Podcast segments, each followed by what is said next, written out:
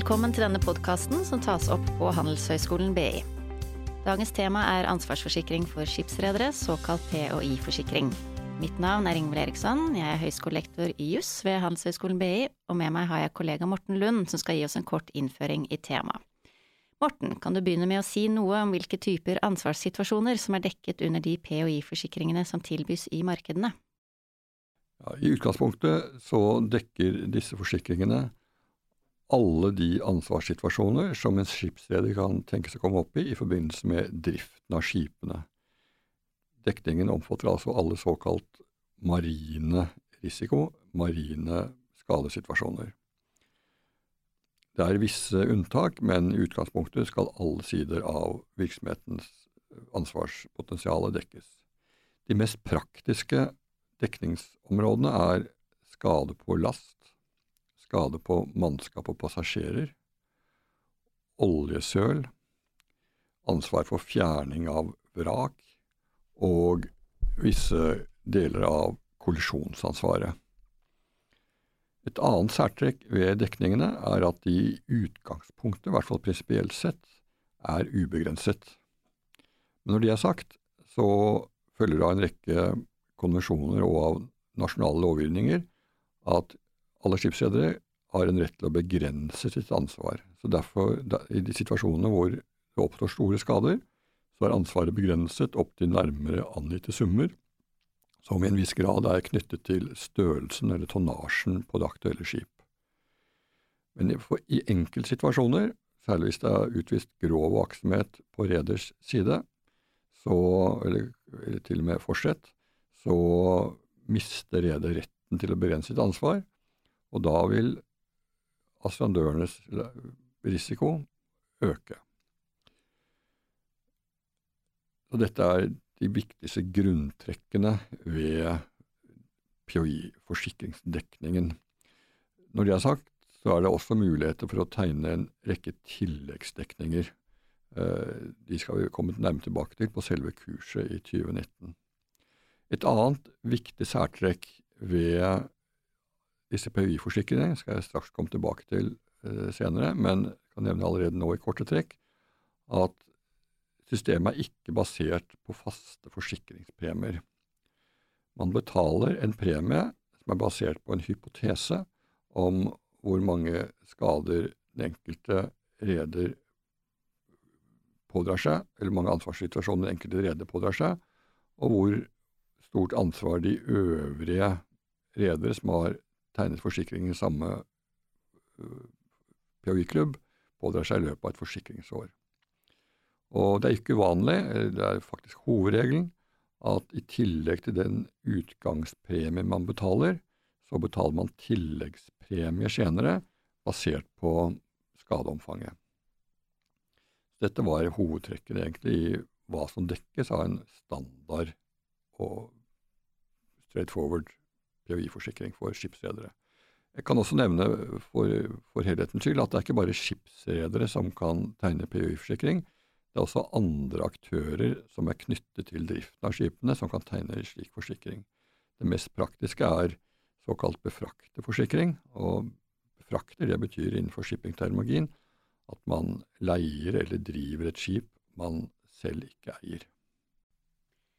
Så vidt jeg har forstått, er de institusjonene som tilbyr PHI-dekning organisert på en litt spesiell måte. Kan du fortelle litt om dette? Ja, denne organiseringen er veldig spesielt for nettopp denne typen av sjøforsikring. Andre, det er selvfølgelig også en rekke andre dekningstyper innenfor sjøforsikring, og de er organisert på andre måter, i hvert fall som hovedregel. Systemet er at det finnes et visst antall såkalt PHI-klubber, og det er såkalte gjensidige foreninger. Dette innebærer at de er basert på et non-profit-system. Det er ingen bakenforliggere eiere eller andre som kan ta ut dividende eller overskudd på noen måte. Klubbene er enten drevet øh, når det gjelder daglig drift og ledelse av en egen organisasjon, eller det kan være en utenforstående manager som driver klubbene øh, mot et årlig fee. Og systemet er at hvis man er skipsreder og ønsker å forsikre hele sin flåte eller enkelte skip i en slik gjensidig forening, så blir man medlem av foreningen. Og man kan da velge å dekke hele sin flåte eller deler av flåten i den enkelte forening. Det gjøres opp et regnskap for hvert forsikringsår, og ofte så vil ikke de regnskapene kunne gjøres opp før lang tid er gått, fordi det kan ta lang tid å behandle krav mot rederne. Det kan ta kanskje opptil ti år før det blir ferdig behandlet. Og etter hvert som tiden går, så vil man se om det er behov for tilleggspremier. Så ofte kan man betale tilleggspremier for et forsikringsår som ligger tre-fire år tilbake i tid.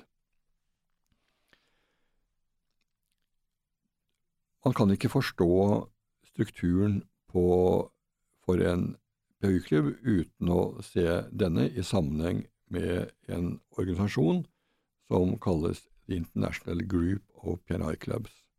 Det er en sammenslutning som består av de 13 dominerende PU-klubbene i verden. Disse 13 består av to norske klubber, Skull og Gard.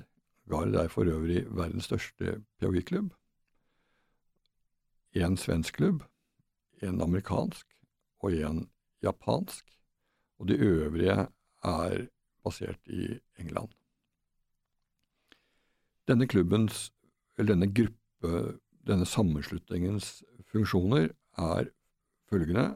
Først og fremst så har de den funksjon at de organiserer et veldig komplisert reassuranse- og poolingsystem. For det andre så er det en forening hvor man utveksler erfaringer og informasjon. Og for det tredje så har de den oppgave at de skal representere disse, tredje, disse 13 medlemmene i en rekke situasjoner i forhold til offentlige myndigheter osv. Ca.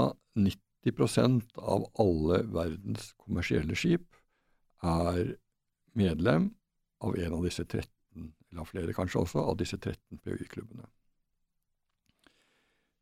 Når det gjelder det økonomiske samspillet, dette såkalte kompliserte reassuransesystemet mellom klubben på den ene side og denne foreningen på den annen side, så er systemet at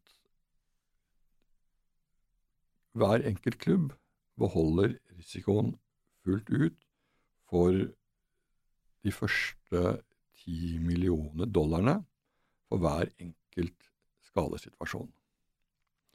Og hvis kravene for, hver, for det enkelte skade overstiger dette beløpet, så er det denne foreningen, International Group, som hefter for dette. Det er å hefte som en slags reassuandør opp til et beløp på 80 millioner dollar.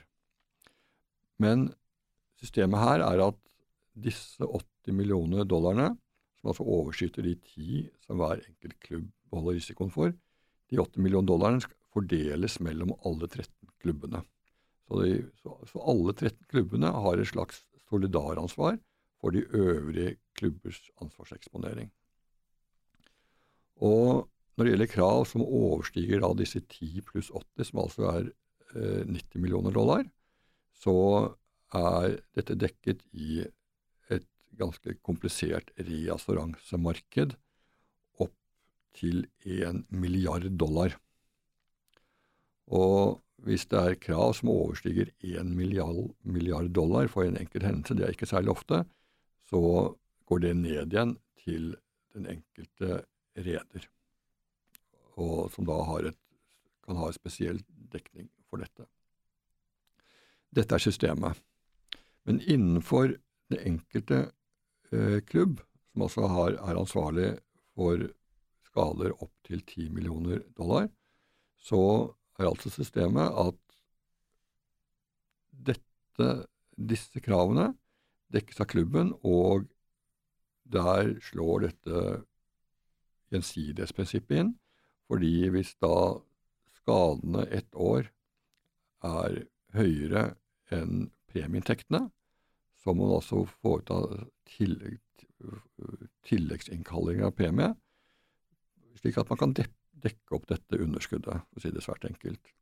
Så her, Det betyr altså at hvis man er uheldig, hvis man er en reder som selv ikke har skader, men mange andre av rederne i samme forening har mange skader, så må, må, man selv bidra til å dekke dette ved å bidra med tilleggspremier.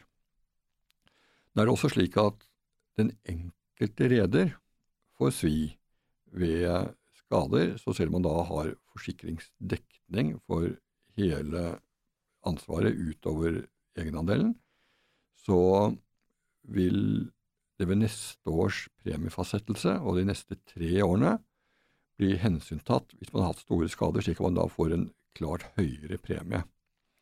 Så av den dekningen man mottar i forbindelse med en skade, så må man altså betale en del av dette selv over de neste tre års premier.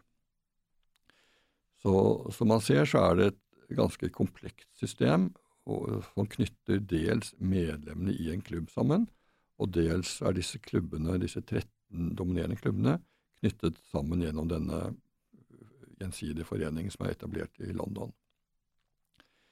Og Som nevnt så representerer altså disse klubbene ca. 90% av verdens handelsflåte.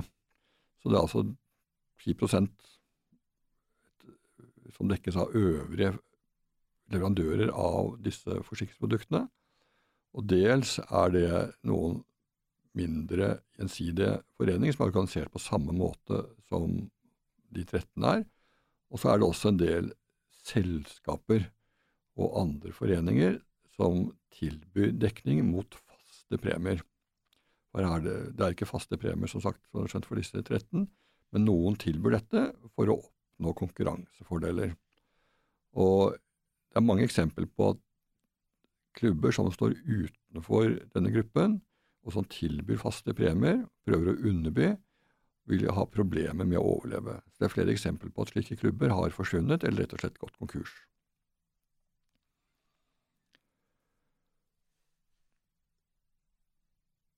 Den enkelte klubb er jo da i gåseøyne eiet av sine medlemmer, og klubben er organisert på den måten at det er en General Assembly, eller en slags årlig generalforsamling, hvor alle medlemmene kan møte, hvor de har stemmerett avhengig av hvor mange skip de har forsikret i vedkommende klubb.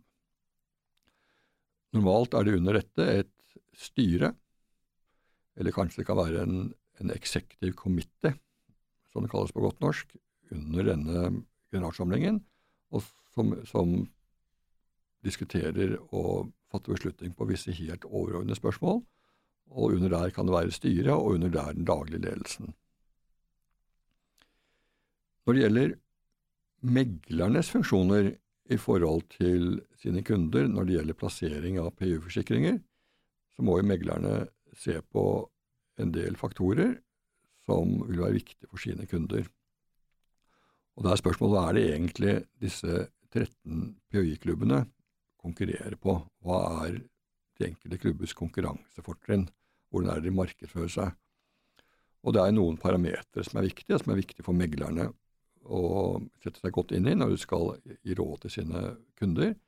Det ene er selvfølgelig servicegrad. Det er jo veldig viktig at man får raske oppgjør hvis man har pådratt seg et ansvar, og at disse ansvarssituasjonene blir håndtert på en god måte. Systemet er jo det at hvis det oppstår en skade, potensielt ansvar, så skal den PU-klubben man er medlem av, varsles umiddelbart, og klubbens administrasjon vil overta håndteringen av de kravene. Og rederen har selvfølgelig en interesse av at man ikke utbetaler penger til den skadelige tredjepart uten at det er grunnlag for det. Det er Reder er ikke alltid ansvarlig for skader som oppstår, og det kan være spørsmål om hvor stort kravet er. På den ene side har reder en egeninteresse i å holde kravene nede, dels fordi man får inn en del av kravene ved høyere premie neste tre år, og dels av gjensidighetsprinsippet. På den annen side øh, så er jo også reder interessert i at reders kunder føler at de blir tatt vare på. Og kanskje den mest praktiske ansvarssituasjonen for reder er skade på lasten. Og lasteeierne er jo redernes kunder. Og hvis lasteeierne føler at de alltid får problemer hvis det er skade på last fordi det er en vanskelig PHI-klubb som krangler i flere år, så kan dette medføre problemer for vedkommende rederis image og markedsposisjon. Og jeg vet at det er mange lasteeiere som da de har gjerne en sånn questionnaire hvis de skal inngå kontrakter, om, særlig hvis det er langvarige fraktkontrakter, som legger stor vekt på hvilken PHI-klubb vedkommende, de aktuelle rederne er medlem av. For det de vet, er at det skjer alltid skade på last, og da vil de bli behandlet på en ordentlig måte. Dette med servicegrad har altså mange sider. Dessuten så er det selvfølgelig viktig for den enkelte reder, særlig hvis du er en reder som har en god flåte, høy vedlikeholdsstandard og god, god teknisk drift, så vil det da normalt da oppstå mye færre skader på lasten, og færre andre skader også, som oljesøl og personskader og sånn. Og da vil man jo helst ikke at de andre medlemmene skal ha en lav og billig vedlikeholdsstandard som pådrar, pådrar, klubben ansvar. Så man er veldig opptatt av hva slags medlemmer som for øvrig er deltakere i enkelte klubbene. For dette får betydning for premienivået. Man kan også si at premienivået avhenger av to hovedfaktorer. Det er jo lett å forstå. Det er, det er hvor mange skader oppstår, og hvor effektiv er man i behandling av skadesituasjoner. Det er det ene elementet. Og det andre elementet er hvordan er den enkelte klubb i stand til å forvalte de store økonomiske fond de har for å møte sine forpliktelser. Disse klubbene sitter på store økonomiske ressurser det er jo store, også krav her til å ha en forsvarlig kjernekapital osv. Og, så og jo bedre man forvalter denne kapitalen, og man får, hvis man er i stand til å få god avkastning på kapitalen, så er man i stand til å tilby lavere premier.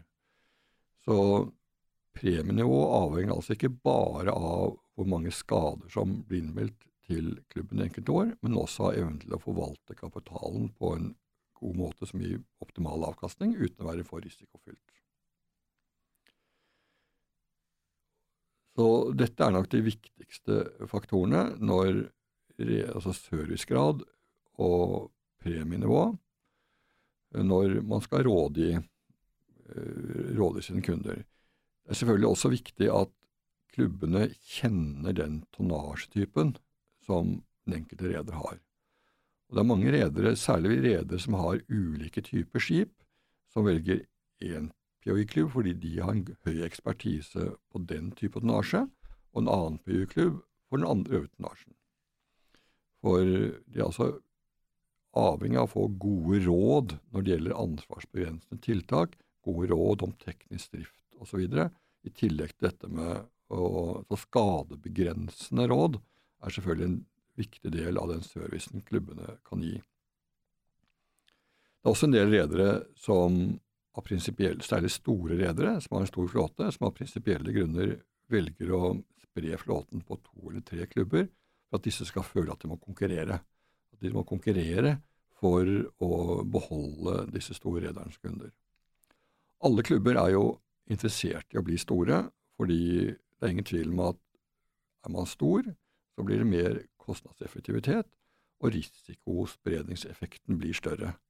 Altså den er stor, så er det ikke så skadelig for de øvrige om det er noen store utbetalinger i løpet av et premieår.